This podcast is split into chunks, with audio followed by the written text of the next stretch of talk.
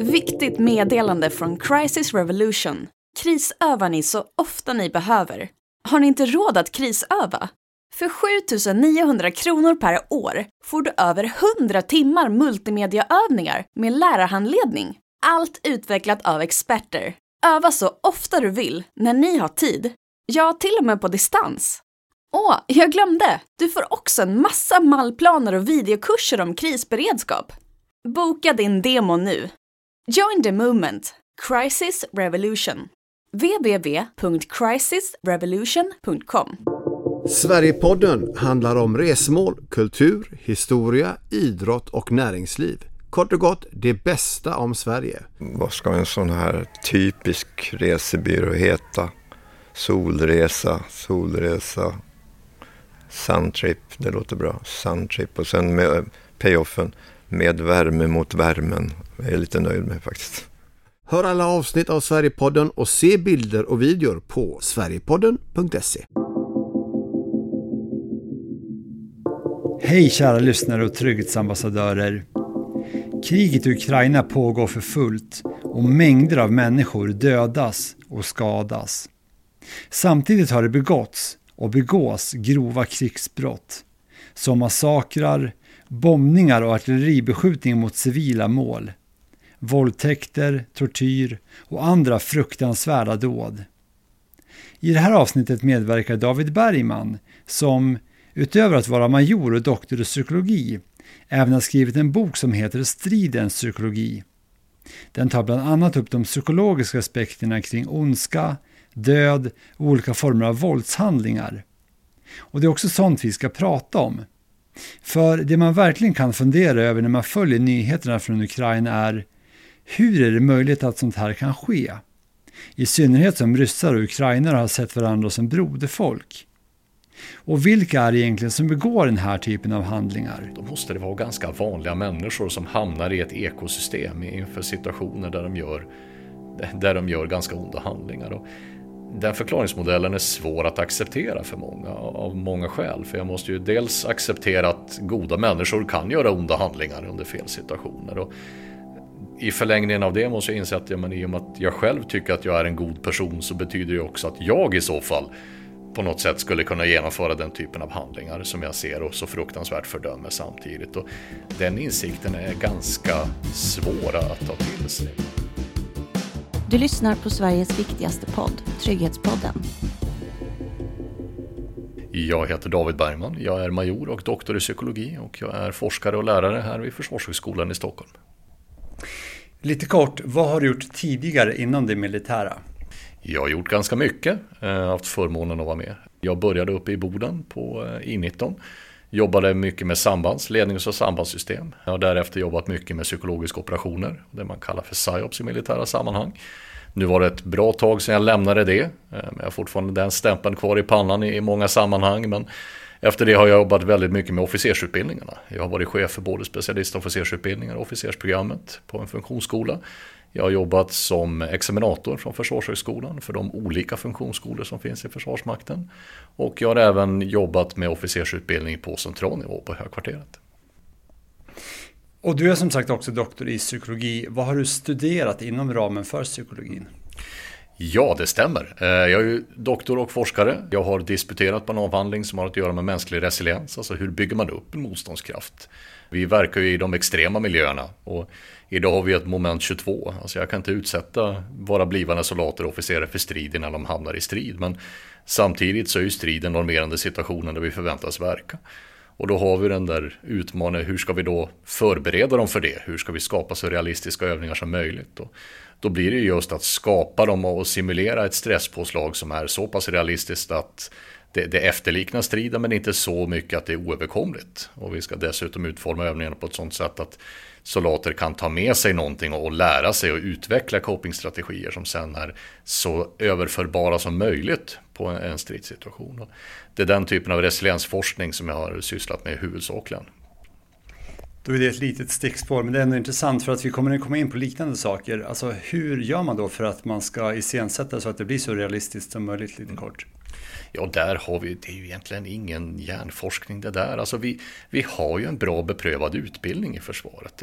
Den vi ger till soldater och den många som av lyssnarna här har fått, ja, men det är en utbildning som är beprövad och bra och fungerar. Och ibland får en frågan när, när människor frågar hur ska vi bäst förbereda oss för strid? Ja, men det, det, finns som inga ninja-lösningar, alltså den där magiska tranans teknik från Karate Kid som fungerar, utan snarare vi, vi har en bra grundläggande utbildning. Att lära sig fungera som soldater, att lära sig fungera i ett förband och, och sen arbeta i allt större förbandsenheter. Det är en metod som fungerar, men till den så ska vi såklart lägga så realistiska övningar som möjligt. Både på soldatnivån, att den utbildningen jag får är så bra som möjligt. Till exempel den typen av utbildningar som signalister eller sjukvårdare får.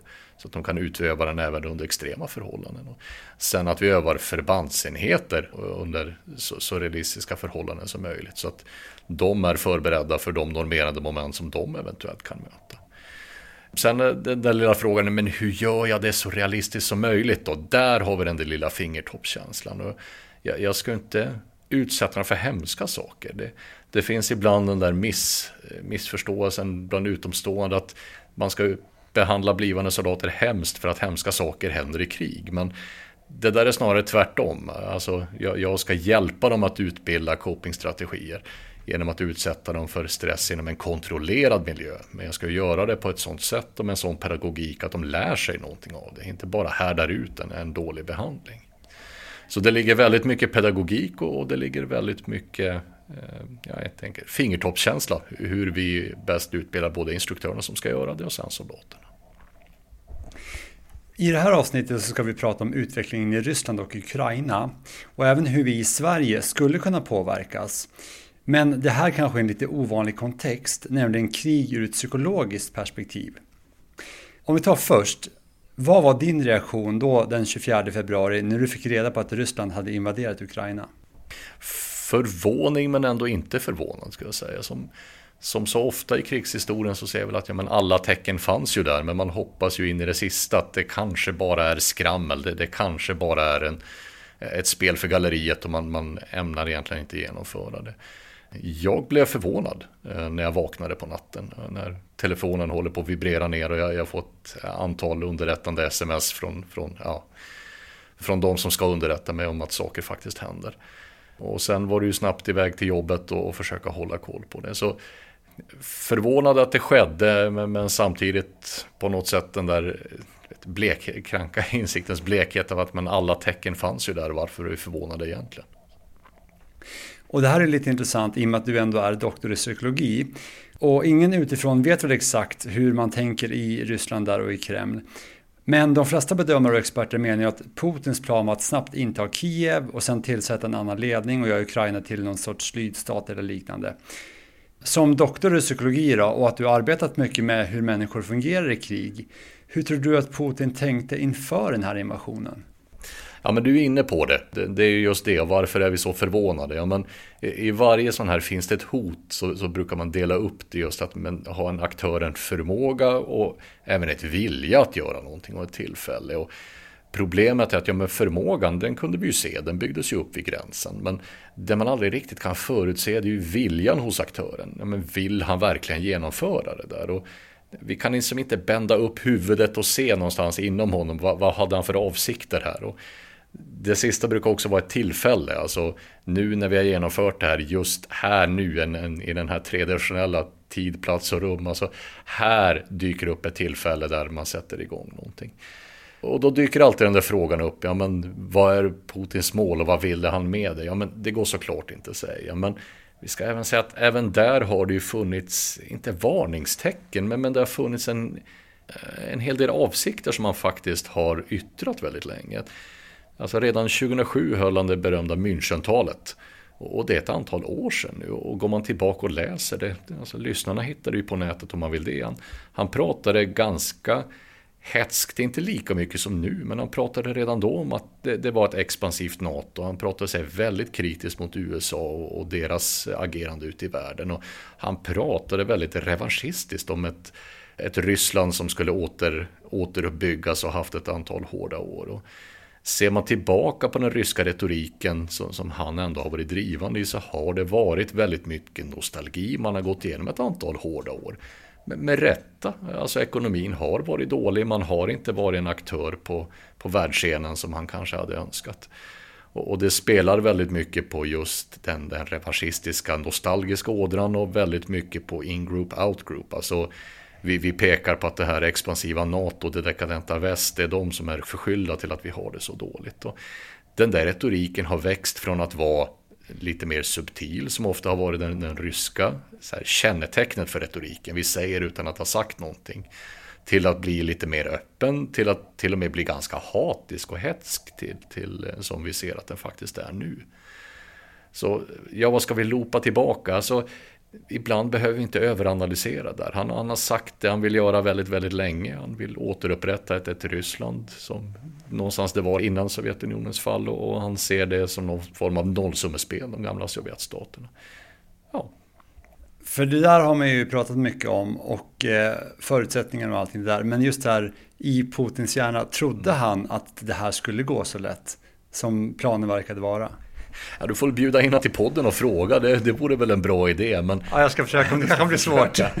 Nej, men vi ser ju i hur, är det någonting vi, vi kan se hur, hur, hur, invasionen skedde, eller den fortsatta invasionen, det har ju redan varit krig i landet sedan 2014 ska vi säga. Men ser vi någonting så ser vi att den skedde ju ganska slarvigt, alltså den var inte helt planerad och det verkar nog som att militärerna i, i den högsta ledningen var nog inte så delaktiga som man ibland hade trott, utan det, det tyder ju snarare när vi ser de här långa kolonnerna av fordon strandade utan underhåll att dels var det nog väldigt politiskt drivet vad vi ville uppnå.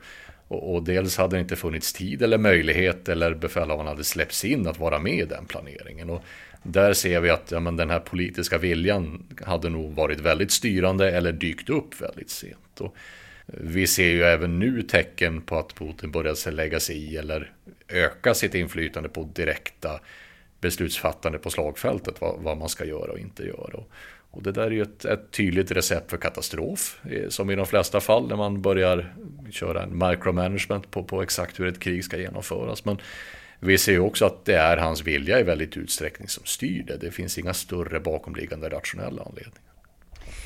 För det där var ju Putin, men folk i det övriga toppskiktet i Kreml och kanske även toppmilitärer i Ryssland, hur tror du att de tänkte? Såg de att ja, men det här kanske går lätt, eller tänkte de det här är galenskap, men nu måste vi göra som Putin säger? Ja, vi får fråga dem vid fel tillfälle. Alltså, det är väl klart det finns någon form av opposition i Ryssland också, alltså de som tycker att Nej, men det här var väl inte världens bästa idé.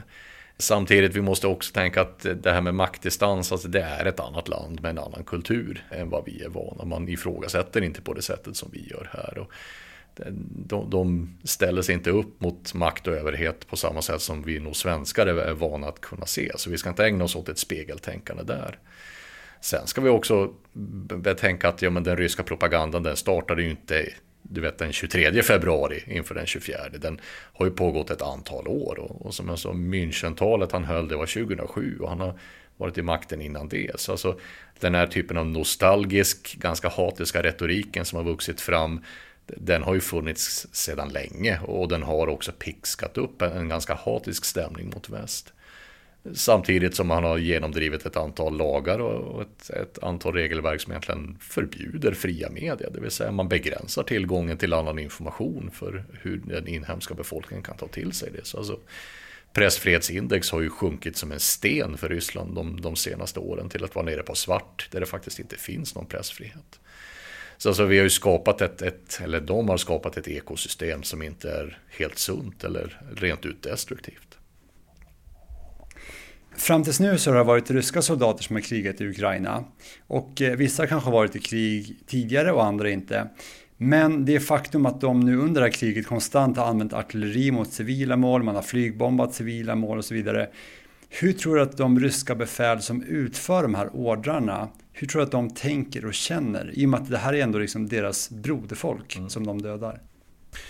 Det är svårt att säga också såklart, men du är inne på det där, men hur kan man både genomföra militära uppdrag mot någon och framförallt det du säger, hur kan man beskjuta civila när du faktiskt vet att det, det finns civila i det här området, inte bara en militär motståndare. Det första det är såklart att ja, men vi har ju en militär professionell utbildning. Jag, jag menar, jag ska inte gå och skjuta en, person utan vi nedkämpar en motståndare. Det finns ju någon form av militär praxis av hur vi genomför strid och vi har ju krigets lagar som, som vi duvas in i. Så alltså, rent psykologiskt är det inte svårt att överkomma.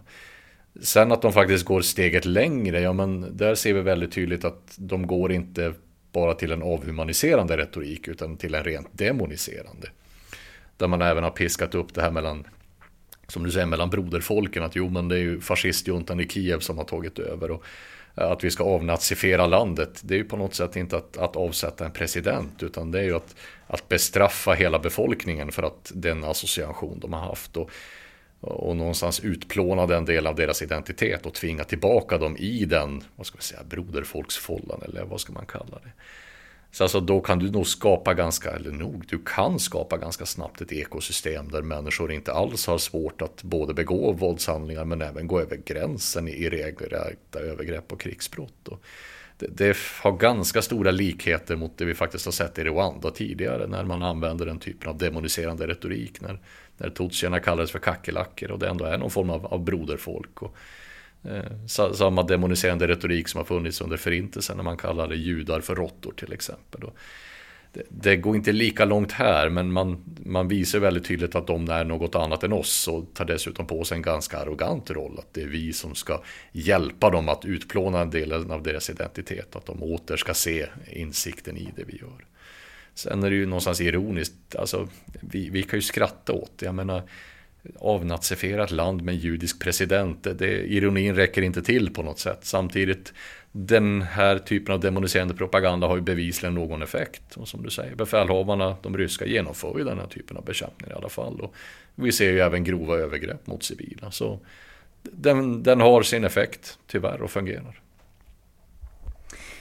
Just det här med Rwanda och förintelsen som du är inne på så har ju Trygghetspodden gjort en serie som heter just folkmord och då går vi in på det här med hur människor kan begå sådana här fruktansvärda saker.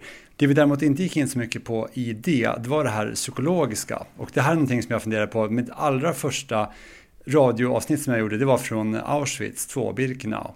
Och i den radiokorren som jag gjorde för Sveriges Radio så var just, jag lyfte frågan hur kan människor begå sådana här fruktansvärda saker. För att man kan tänka, ja visst det fanns en galen ledare Hitler där och det kanske finns en ledare nu som är liknande Putin. Men just det här att man går ner på individnivå.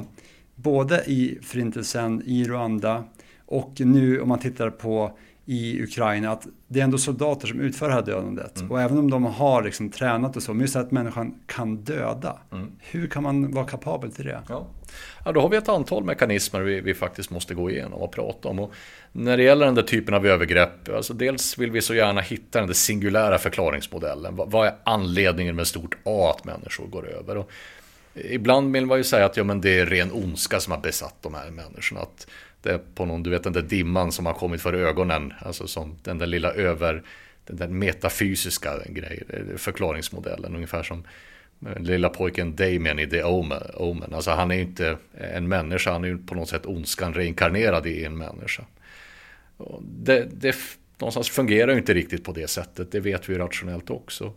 Det andra det är någonstans att försöka tycka att ja, men det här är ju onda människor, det är psykopater och sociopater som genomför det här. Men det vill vi så gärna tro, men den förklaringsmodellen håller ju inte riktigt heller. Alltså, den, den diagnosen som ligger bakom psykopati, det, det, kallar vi för antisocial personlighetsstörning. Det är mellan 1 och 3 procent i befolkningen totalt. Och I alla försvarsmakter så försöker man hålla den typen borta, för de är värdelösa att arbeta i grupp och de kan inte tåla auktoritet och de har inga spärrar för andra beteenden heller. Så alltså, de passar oftast jättedåligt i militära sammanhang. Så att det skulle vara, att den typen ibland slinker igenom, det, det gör det, men det förklarar inte allting. Och då kommer vi ner på den där sista delen, att ja, men då måste det vara ganska vanliga människor som hamnar i ett ekosystem inför situationer där de gör, där de gör ganska onda handlingar. Och den förklaringsmodellen är svår att acceptera för många av många skäl. För jag måste ju dels acceptera att goda människor kan göra onda handlingar under fel situationer. Och i förlängningen av det måste jag inse att ja, men i och med att jag själv tycker att jag är en god person så betyder det också att jag i så fall på något sätt skulle kunna genomföra den typen av handlingar som jag ser och så fruktansvärt fördömer samtidigt. Och den insikten är ganska svåra att ta till sig. Men snarare det värsta vi kan göra i sådana här sammanhang det är just att sätta oss på en moralisk piedestal och tro att det där skulle aldrig jag kunna genomföra. Utan tvärtom så bör man kunna förstå vad är det för typ av faktorer som skulle kunna göra att jag som extremt god person skulle kunna hamna under, under den här typen av påverkan att jag faktiskt genomför det här. Och då har vi dels de individuella faktorerna. Jag menar, vi har ju i Sverige ett väldigt bra grundurval. Vi, vi tar inte ut människor med vissa typer av psykologiska egenskaper. De åker bort redan i mönstringen. Så den typen av individer som hade kunnat bli, inte direkt onda, men de som hade kunnat bli mer lättpåverkade de som hade lite för låg intelligens för att utveckla ett, ett bra etiskt ramverk, att kunna knyta an socialt till människor.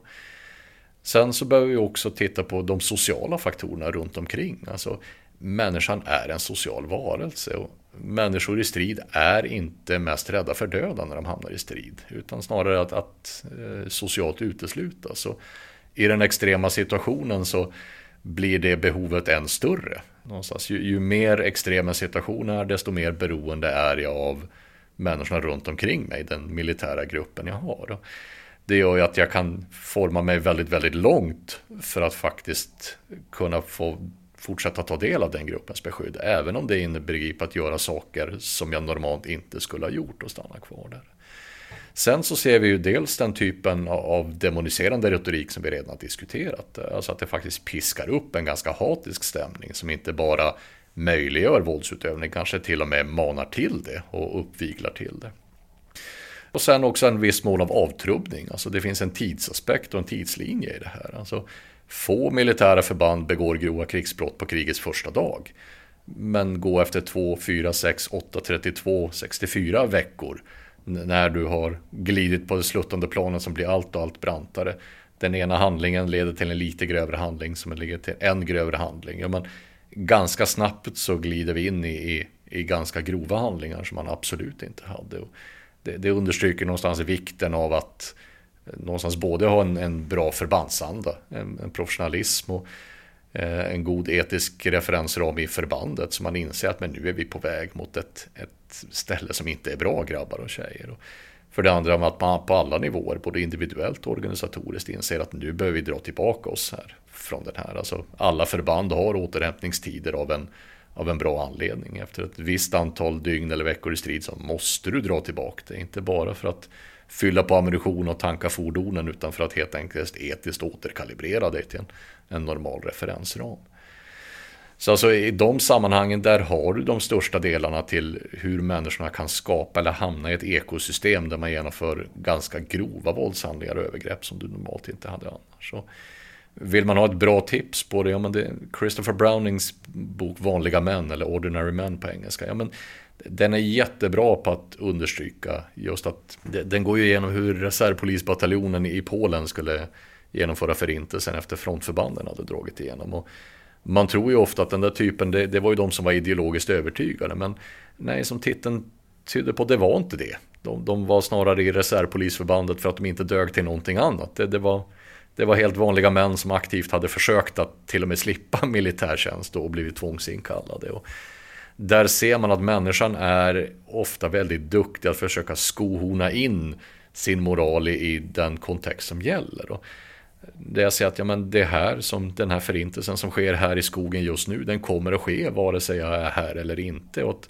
då säga att jag inte vill eller försöka ta mig härifrån, det skulle ju göra att mina kamrater får ett än större påfrestning. Och då blir ju det någonstans en rent, en rent egoistisk och självisk handling. Om jag sticker nu, då får ju mina kompisar lida. Och därmed så är det nästan någonting bra att jag stannar kvar här och, delar bördan med dem. Och man ser också den där typen av rationaliseringar att nu när mamman är död så kan ju inte barnet överleva och att då på något sätt avsluta dess lidande så snabbt som möjligt blir en ren humanistisk handling. Och det är ju hemskt på ett sätt samtidigt så ser man att jo, men det finns ju någon form av logik när människan försöker verkligen tvinga in sitt eget agerande och det man ser framför sig någon form av etisk ram där det faktiskt är rättfärdigat. Så.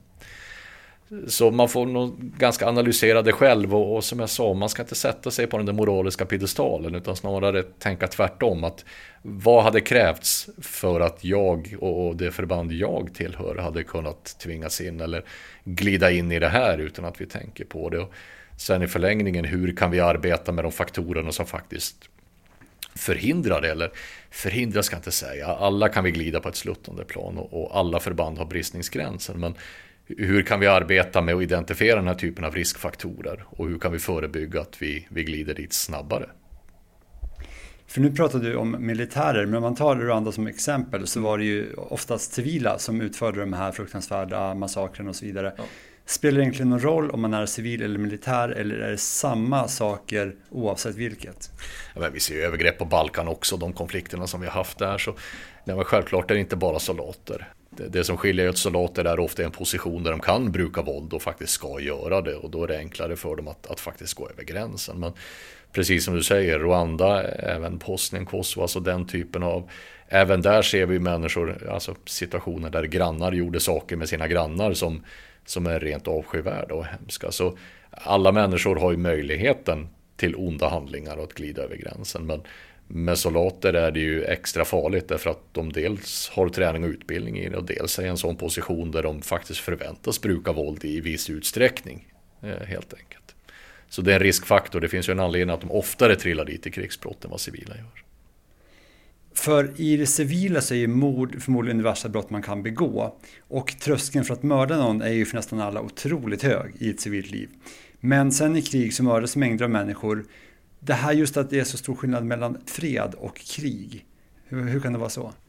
Jo, men det, det funderar man ju på såklart och det är en rimlig fråga. Men när 18-åringar rycker in, alltså fram till den punkten så har ju deras mamma sagt till dem att du får inte bråka. Deras konfirmationspräst har sagt att du skulle icke dräpa.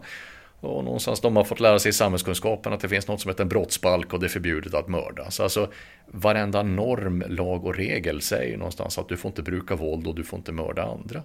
Och helt plötsligt kommer du in i en militär kontext där du säger att du inte bara okej, okay, det förväntas av dig och du kan få medaljer om du gör det särskilt bra. Och det vi gör i ett militärt sammanhang är att ja, men där har vi ett våldsmonopol och vi ger ju den en särskild utbildning men också särskilda etiketter. Och enkelt uttryckt, det vi gör där är att vi ändrar inte någon etisk uppfattning som individen har. Den vill vi att de ska ha kvar. Vi, men vi introducerar en parallell moralisk struktur. Vi säger att ja, men det här är ju inte att mörda, det är att nedkämpa en fiende. Och det är ju inte att du dödar någon, du nedkämpar ju ett mål. Och det är ju inte en människa, du, det är ju en fiende eller en motståndare. Så alltså, vi lägger dels på ett sanerande språk, vi lägger dels på en, en uniform. Alltså, det heter ju uniform av en anledning. Vi symboliserar att ja, men i det här fallet är du inte privatpersonen där de här reglerna gällde. Du är en symbol för vad den här står för. Så både, jag har ju både ett juridiskt och ett moraliskt befriande från att de reglerna jag har lärt mig hittills gäller inte just när jag bär det här klädesplagget. För att det ger mig auktoritet för något annat. Så alltså du, du måste bara, ja. ursäkta. Skulle det bli svårare om man då i det militära använder begrepp som man använder i det civila livet? Till exempel att nu ska ni mörda ja. fienden. Helt klart. Alltså, det typer av språkbruk vi har det är ju framtaget just därför att det ska vara så sanerande som möjligt om du tänker på det. Men vi nedkämpar, vi målväxlar eh, och så vidare. Det är den typen av ord som inte finns i det civila. Dels, alltså, du, du hittar dem inte i något riktigt civilt sammanhang. Just för att du ska inte sammanblanda dem med något annat. Och dels är de väldigt eh, så här, emotionellt befriade. De har ingen stor känsloladdning. Och om du, de är just framtagna just på grund av att du, du ska inte lägga så stor vikt vid det, hur, hur hemskt det än låter. Och den typen av sanerande språk måste finnas där för att du ska kunna just genomföra vissa saker på stridsfältet men sen gå tillbaka till ett civilt liv som en normalt fungerande människa. Så samtidigt skulle du på något sätt blanda ihop det med normerna som finns för det normala livet. Ja, men självklart där. Om vi säger att nu ska vi skjuta och vi ska mörda och det, den typen, alltså säga namnet på de människorna, då blir det en helt annan sak. För då gäller ju helt plötsligt den moraliska struktur som min mamma, min präst och min social samhällskunskapslärare har lärt mig fram tills dess. Och inte de reglerna som min militära instruktörer lär mig. Så just vi behöver ha ett sanerande språk och behöver ha de etiketterna för att de strukturerna ska fungera tänker man på det, det är ju inte mer annorlunda än vad, vad polisen gör. Vi pratar om att omhänderta, vi pratar om en gärningsman eller oskadliggöra. Alltså, inte heller där är det klart att det där inbegriper våldsutövning eller till och med att använda vapen mot någon. Så alltså, självklart finns det. Eh, sen är ju frågan, ja men det här är ju militärer David, alltså vi civila då, ja men fundera på det. De här mekanismerna finns ju i varierande utsträckning även i det civila livet. Alltså, ett jättetydligt pedagogiskt exempel det är just det där med läktarvåld. Alltså, där har ju människor också på sig ett slags uniform, alltså sina lagtröjor. Och vi målar ansiktet i lagets färger. Och vi sjunger dessutom sånger, alltså den här typen av krigshymner, den har ju alltid funnits. Och vi piskar upp stämningen. Och det är ju dessutom ett kollektivt agerande. Det är ju inte bara jag som person, det är ju hela hejaklacken. Det, det sänker ju känslan av individuellt ansvar och stärker känslan av kollektivt agerande. Och där ser vi att jo, men i den här, det, det är faktiskt lite mini, miniatyr av det militära systemet. Och vi är dessutom utfoltat fotbollsarenor så det ser ut nästan som, en, en, nästan som ett kolosseum i miniatyr. Alltså, det är ett, ett fruktansvärt illegitimt våld men det är samma psykologiska mekanismer som gör att i de kontexterna kan människor gå över gränsen och faktiskt bruka grovt våld mot motståndarklacken på ett sånt sätt som de absolut inte skulle göra på sin arbetsplats till vardags eller när de kommer hem till familjen. Så alltså, sanningen är att det är inte jättesvårt att få människor att, att eh, genomföra våldshandlingar mot andra. Det, det svåra är att få dem att göra det på ett sånt sätt att de inte går över gränsen med, med distinktion och proportionalitet. Att vi genomför det med, med, minimal våldsutövning och riktat mot en motståndare. Det är också svårt att få dem att göra det på ett sånt sätt att det inte leder till livslånga samvetskval. Att de börjar fundera på det i efterhand och någonstans eh, det, det kommer självklundring och skam som en effekt av det. Så någonstans mekanismerna för människor är likadana men med soldater så lever de väldigt systematiskt för att de ska kunna genomföra våldshandlingar. De ryssar som har varit i Ukraina fram till nu är ändå soldater som är tränade och som sagt kanske också har varit i strid tidigare. Men nu i och med den här ryska mobiliseringen så ska ju 300 000 personer nu kallas in och åka iväg för att strida i Ukraina. Om vi nu börjar med att det här att många nu flyr från Ryssland för att de inte vill vara med och kriga. Hur tror du att de tänker och känner? Ja, det får man nog fråga dem personligen, men frågan är så här, men hur kommer det gå? Jag är mycket, mycket sämre än vad det har gjort fram tills nu. Alltså, det, det, finns ju flera aspekter av det där och en av dem är ju motivation såklart. Alltså, jag måste ju någonstans utsätta mig för både risker och, och någonstans prövningar för att kunna fungera i de extrema situationerna. Och att då ha en motivation varför jag gör det, ja men det är ju någonstans en grundläggande faktor och motivator för att jag ska kunna göra det de ukrainska förbanden strider ju för sitt eget land och rena överlevnad. Men de ryska förbanden har ju sällan, som vi har sett nu, ens fått veta varför de är där. Och det, det har funnits en väldigt bristande motivation. Och det gör ju att när de möter motgångar eller prövningar så har de mycket svårare att motivera sig själv. Och, och även andra till varför man ska fortsätta kämpa. Den andra delen är ju såklart att det vi har sett fram tills nu, det är väl någonstans yrkesförband och även ganska välutbildade förband. Men Tar du sen ut, in de som har dåligt eller ren ingen utbildning, ja men då kommer det gå mycket, mycket svårare. Det, det, man ibland tänker på med militär utbildning, det är just det där att krama en avtryckare och lägga ett första förband, det, det kan ju inte ta många dagar. Och, nej, det, det är ju för sig sant, men en väldigt stor del av den militära utbildningen är ju dels att kunna fungera i större förbandsenheter att bygga upp en förbandsanda, att kunna fortsätta att verka i en extrem kontext och ha en uthållighet i den, att behålla en nivå av professionalism. Och framförallt att kunna i det eh, fortsätta att fungera som enhet, utmanövrera en motståndare och vara listigare än vad min fiende är. Och eh, jag menar den typen av effekter får du inte när du har outbildade förband eller de som är väldigt stridsutmattade helt enkelt. Så jag tror vi kommer tyvärr få se fler övergrepp. Vi kommer tyvärr få se ryska soldater som beter sig mer mer brutalt mot lokalbefolkningen och alla runt omkring. Sen är det något positivt med det så kommer de inte att hålla ut lika länge. De kommer inte ha samma stridsuthållighet mot, mot de ukrainska förbanden utan i större utsträckning ge upp eller bli tillfångatagna eller dödade. Så det, det kommer ske en degenerering överlag skulle jag säga när man sätter in mindre utbildade förband.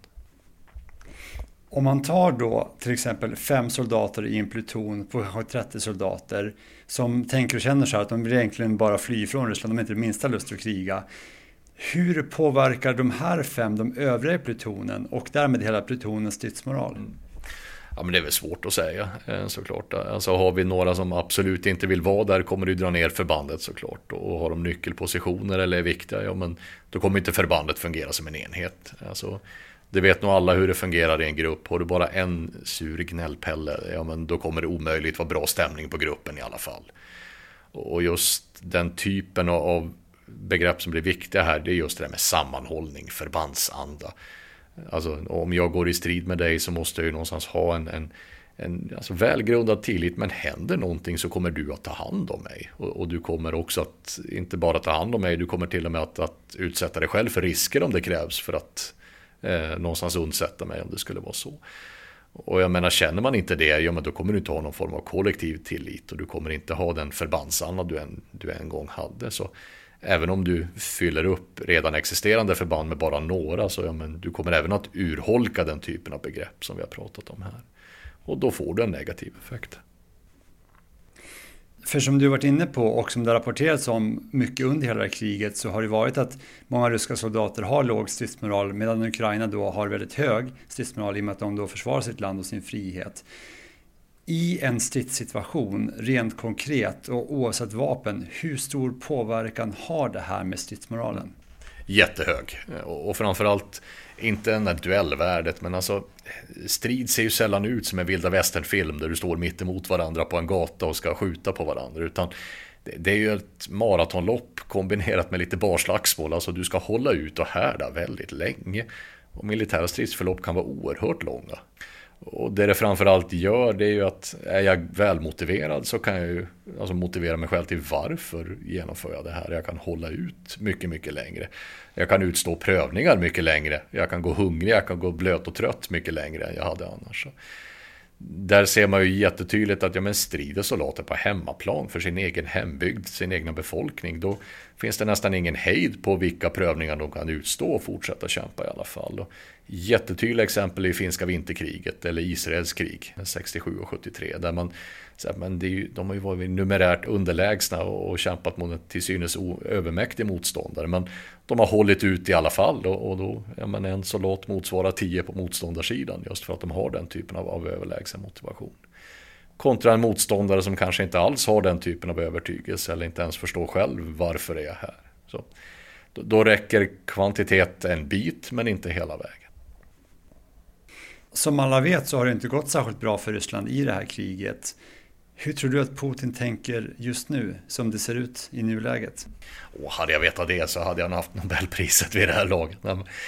Det vi ser är ju väldigt tydligt att eh, han har en diskrepans mellan vad han faktiskt säger i retoriken, vad han vill uppnå och vad vi ser faktiskt går att militärt infria.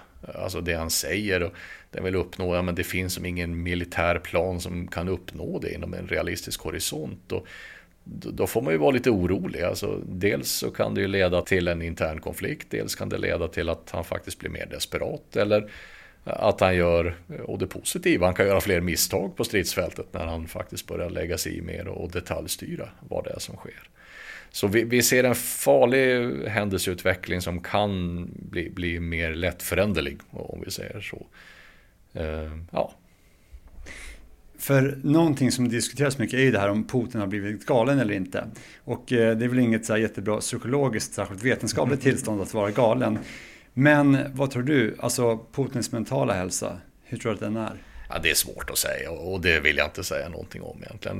Det är en sån här fråga, men vad, vad, vad skulle du ställa för diagnos? Nej, det skulle jag absolut inte säga. Utan snarare tvärtom, du får nog ställa dig frågan, men vad är hans världsbild just nu? Och det behöver inte vara mer avancerat än att du faktiskt läser de talen eller lyssnar på de talen som vi faktiskt har gått igenom. Alltså, han höll ju att bara för några dagar sedan om nu när de när de har haft skenval och han ut, utropade nya republiker. Alltså, det han säger där och det han sa i Münchentalet det beskriver ganska väl den typen av världsbild han har. Och då kommer man fråga, är han galen? Nej, inte utifrån hans synsätt. Han tycker inte det. det. Det finns ju alltid en logik även hur han ser på det och vad han kan uppnå det, det svåra är ju när den typen av logik kanske inte stämmer överens med hur verkligheten runt omkring honom är. Eller när även människor i hans närhet börjar böja sig lite grann för att det de rapporterar ska passa in i den logiken. Ja, men då ser vi farliga delar. Sen är det en oerhört komplex person och jag tror att människor kommer nog fortsätta att analysera honom inom all framtid. Men Nu har jag honom inte i någon form av analysposition att jag kan intervjua honom här. Jag tror inte du kan locka honom till podden heller. Så eh, jag, jag tror vi får vänta med det. Men en bra val det är alltid att faktiskt men lyssna på vad det är han säger. Vi, vi kan fördöma och förstå något på samma gång. Och vänd på den här kartan och försöka förstå det. Hur är det han ser på världen från sin horisont? Men skulle du utifrån det säga att han agerar rationellt utifrån hur han har agerat tidigare och hur från det man kan utläsa vad han säger och har sagt tidigare? Jo men det är han. Han är ganska konsekvent i det han faktiskt säger. Från den han tillträtt tidigt 2000-tal till faktiskt den retorik vi ser nu. Det, det har skett en, en förhatligande om vi säger så. Den har blivit mer extrem i det. Men det han sa 2007 och det han säger idag det är i stort sett samma saker. Det är samma tema. Det är den världsbilden han har och även har tryckt på och agerat på. Så alltså, i, i viss mån det är vi som inte har lyssnat på den. Jag, jag säger inte att det är okej, okay, men jag säger att svaren har funnits där. Han har varit tydlig med att det är så han ser på det. Det är vi som inte har lyssnat på det. För genom historien så har det funnits mängder av ledare som har varit i krig och varit pressade. Kan man se något generellt mönster så? Hur brukar man agera som ledare pressad? Ah, det tror jag är svårt att säga. Alltså självklart, det, det, brukar alltid bli fel när ledare brukar lägga sig i direkta militära kampanjer på det sättet man gör nu. Och det såg vi även hur Hitler gjorde under slutet av andra världskriget när han hade faktiskt välutbildade tyska förband. De nyttjade ju uppdragstaktik och, och de var ganska välutbildade. Och man ser även där de, de tyska förbanden fortsatte ju att strida i det lilla trots att det var uppenbart på det större planet att, att det övergripande kriget var förlorat. Och det där var ju fruktansvärt för de allierade men det är just för att förbanden var välutbildade och, och någonstans de hade en god sammanhållning, en bra förbandsanda och ett bra sätt att leda på lägre nivå. Men man började lägga sig i från en väldigt central nivå hur de skulle nyttjas och vad man skulle göra med dem. Och ja, men då är det oftast ett, ett recept för katastrof. Och vi ser den typen av tecken i Ukraina nu, att det börjar ske en direktstyrning, eller en tydligare direktstyrning än vad vi har sett tidigare. Sen är det ju alltid det där med när ledare blir, blir för frånkopplade från verkligheten på något sätt och, och någonstans vill trycka in sin världsbild. Men det finns ju en psykologisk logik i det också, precis som vi pratade om övergreppen. Alltså, människor har ju en tendens ibland att vi vill inte direkt ändra uppfattning och ibland så är det enklare att skohorna in den här verkligheten i mina uppfattningar än att faktiskt ändra på den helt enkelt. Utan Människor kommer att vilja bekräfta det de faktiskt tror och har för uppfattning just vid tillfället. Utifrån det då och den här världsbilden som Putin uppenbarligen verkar ha, vilken är risken för att han kommer att använda kärnvapen i Ukraina? Och det är jättesvårt att säga. Alltså, det ökar ju risken för att han eskalerar på något sätt, inklusive med kärnvapen. Sen vet väl han också att jo, men det kan leda till en eskalation som han inte riktigt kan vinna. Och han vet ju också att jo, men ett fullskaligt krig mot NATO skulle ju vara katastrof även för hans ambitioner i det hela. Men vad det gör faktiskt, det är ju att det ökar friktionsytorna mot NATO. Och det ökar även risken för missförstånd och faktiskt att det eskalerar på alla olika sätt som vi kan tänka oss, inklusive den med kärnvapen. Sen hoppas vi innerligt att det inte kommer så långt givetvis. De i hans närhet då, alltså höga militära befäl och så, om han skulle ge en sån order om att man ska anfalla Ukraina med kärnvapen, tror du att en sån order skulle åtlydas? Eller skulle de säga, nej nu, nu räcker det? enough is enough, nu, nu får det fan räcka. Ja men det får vi väl hoppas. Alltså, han, han har ju ett ganska Eh, stabilt gäng. Alltså, försvarsministern och chefen för generalstaben har ju varit med honom väldigt länge. Men de har väl ett rationellt tänkande också. Och någonstans det, det finns väl någon form av självbevarelsedrift där, får vi hoppas, eh, givetvis. Sen är ju ofta den där frågan, men finns det ingen opposition bakom honom som, som kan ta över? Ja, jo men det finns det nog. Eh, alltså, det, det finns väl någon gräns när någon säger att nu räcker det faktiskt. Men man ska också hålla lite i åtanke att det är inte säkert att det blir bättre på något sätt. Alltså, just nu har vi ju en person som faktiskt sitter på, på oinskränkt makt och styr över det. Alltså, vi kan presumtivt komma, om han nu inte finns längre, i en situation där vi har flera som är eh, kanske lika fanatiska men mer svårförutsägbara. Det skulle presumtivt kunna vara en ännu värre situation. Och det finns det där talesättet att ja, men, the devil you know is better than the one you don't. Alltså, den djävulen vi har framför oss nu är bättre än den vi kan föreställa oss längre fram. För det vet vi inte riktigt vad vi kommer att ställas inför. När det gäller det här med att utföra fruktansvärda handlingar, som vi var inne på förut, det här med massmord och tortyr och liknande. Utifrån erfarenheter från tidigare krig, har man kunnat se någon skillnad mellan de som angriper och de som blir angripna? I vilken mån man utför sådana här handlingar? Nej, inte jättemycket. Alltså, man ser en tydligare skillnad på välutbildade och icke välutbildade soldater. Alltså, de som har en hög förbandsanda, de som är välutbildade, ja, men de tenderar att vara mer professionella.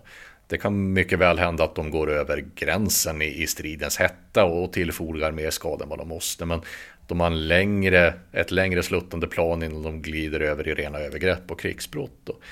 Man ser också att det finns skillnad på de som har utsätts för en hatisk retorik och de som inte har det. Med en motivation till varför är du här. Och de som strider för egen, ja men de vet ju att det är för min egna jag gör det, inte för att döda fienden. Och de har ju en, en större tendens att, att faktiskt kunna hålla an när det är det. Sen finns det ju alltid den där typen av faktorer med hämndlystnad, alltså vrede, frustration, ilska, hämndbegär. Alltså, om någon verkligen har, har bränt och plundrat min hemby, ja men det är väl självklart fullt naturligt att känna ett visst hämndbegär och faktiskt ge igen för det någon har utsatt mina nära och kära för. Det är inte att det däremot är helt rätt, men det är fullt psykologiskt förståeligt att känna den typen av känslor. Så det är snarare de variablerna man ska tänka utifrån hur folk kan gå över gränsen. Nu har vi mest pratat om kriget i Ukraina här, men Ryssland är även ett hot mot oss i Sverige. Och om vi skulle bli anfallna militärt i någon form, och vi har inte varit i krig på över 200 år, alltså många, många generationer.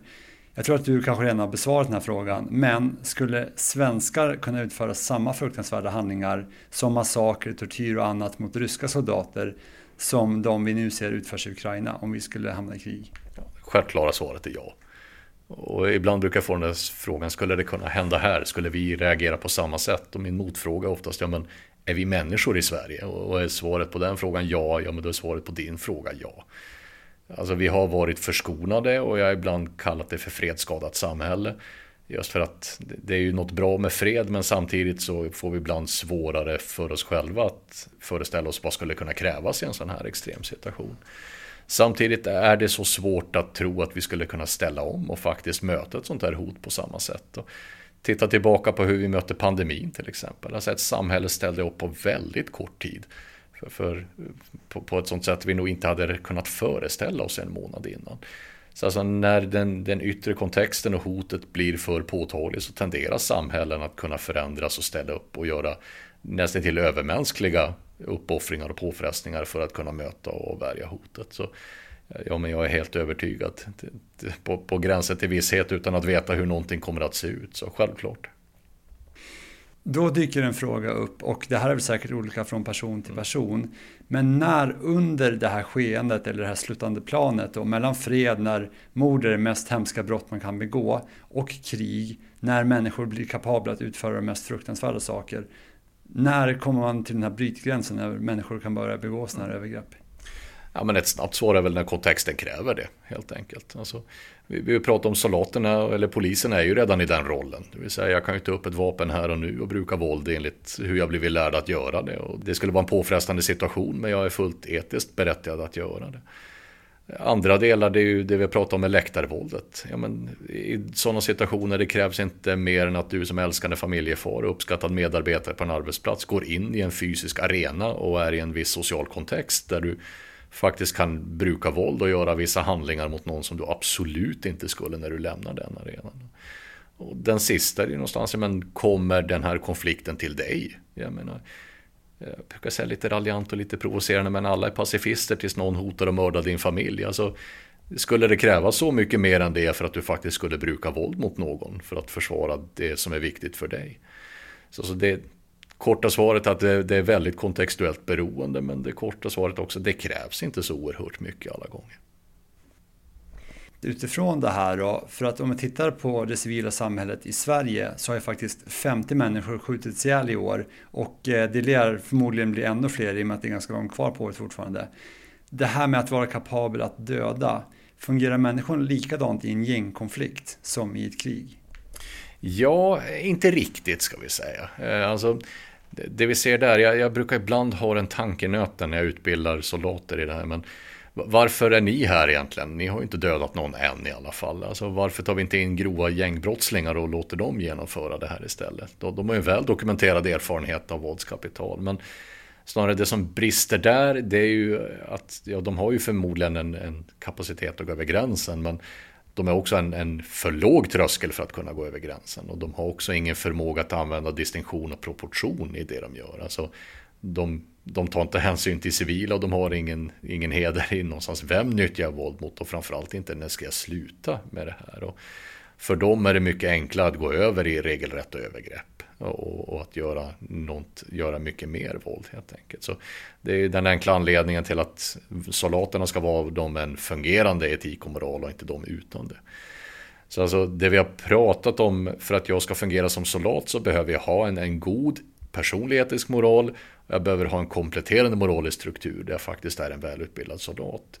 Det vi ser hos brottslingar är att ja, men de har ju inget av det. De har en halv korrumperad personlig struktur som gör det lättare för dem att begå brott. Men snarare det är inte samma typ av våld vi pratar om där, även om någonstans våldets effekter är ungefär likadana. Till sist, du var inne på det här med fredsskadat samhälle. Vad innebär egentligen det? Ja, det är ju ett hemskt begrepp, eller hur? Alltså, det är paradoxalt. Hur kan något vara skadat av för mycket fred? Men det är ju ett paradoxalt begrepp för att det beskriver just en paradox. Alltså, vi, vi ska vara oerhört glada att vi lever i ett fredligt samhälle. Du och jag kommer gå ut ur det här rummet efteråt och, och risken att vi skadas eller dödas när vi gör det är minimal. Trots de rubriker vi, vi ibland ser på nyheterna om hur hemskt det är i landet. Så, men samtidigt, ju fredligare det är i landet, desto svårare blir det ibland för människor att, att inse och någonstans omfamna vad kan krävas för att upprätthålla den här freden. Och det är den paradoxen man brukar kalla för just ett fredsskadat samhälle. Sen har ju det, det vi faktiskt omfamnas av och ses ibland på nyheterna nu. Vi har ibland en tendens att vilja fjärma oss ifrån det. Alltså, döden har, det är ju någonting naturligt. Jag menar, du och jag kommer att hamna där. Vi, vi kommer inte leva för evigt. Det, det vet vi om vi, vi tänker logiskt. Men döden har med tiden blivit någonting vi gömmer undan som vi helst inte vill se. Det är lite obehagligt och vi vill inte omge oss med det. Men för hundra år sedan var det fullt naturligt att människor dog och sveptes hemma och förvarades där fram till begravningen. Och någonstans nu så dör människor långt bort i en korridor bakom en stängd dörr och, och sen så sveps de och läggs i en kista. Och vi, vi har väldigt sällan begravningar med en öppen kista eller tittar på våra döda. Alltså, de, de flesta vuxna idag har inte sett en död människa, än mindre någon som har dött av naturliga anledningar. Jag, jag brukar ibland fråga dig, du, du nämnde det här med våldsbrott, 50 stycken har skjutits ihjäl bara i år. Ja, det är ju hemskt, det, det är det, men om man tänker efter vad är den vanligaste dödsorsaken bland unga idag? Så någonstans det är ju självmord som fortfarande är extremt mycket vanligare.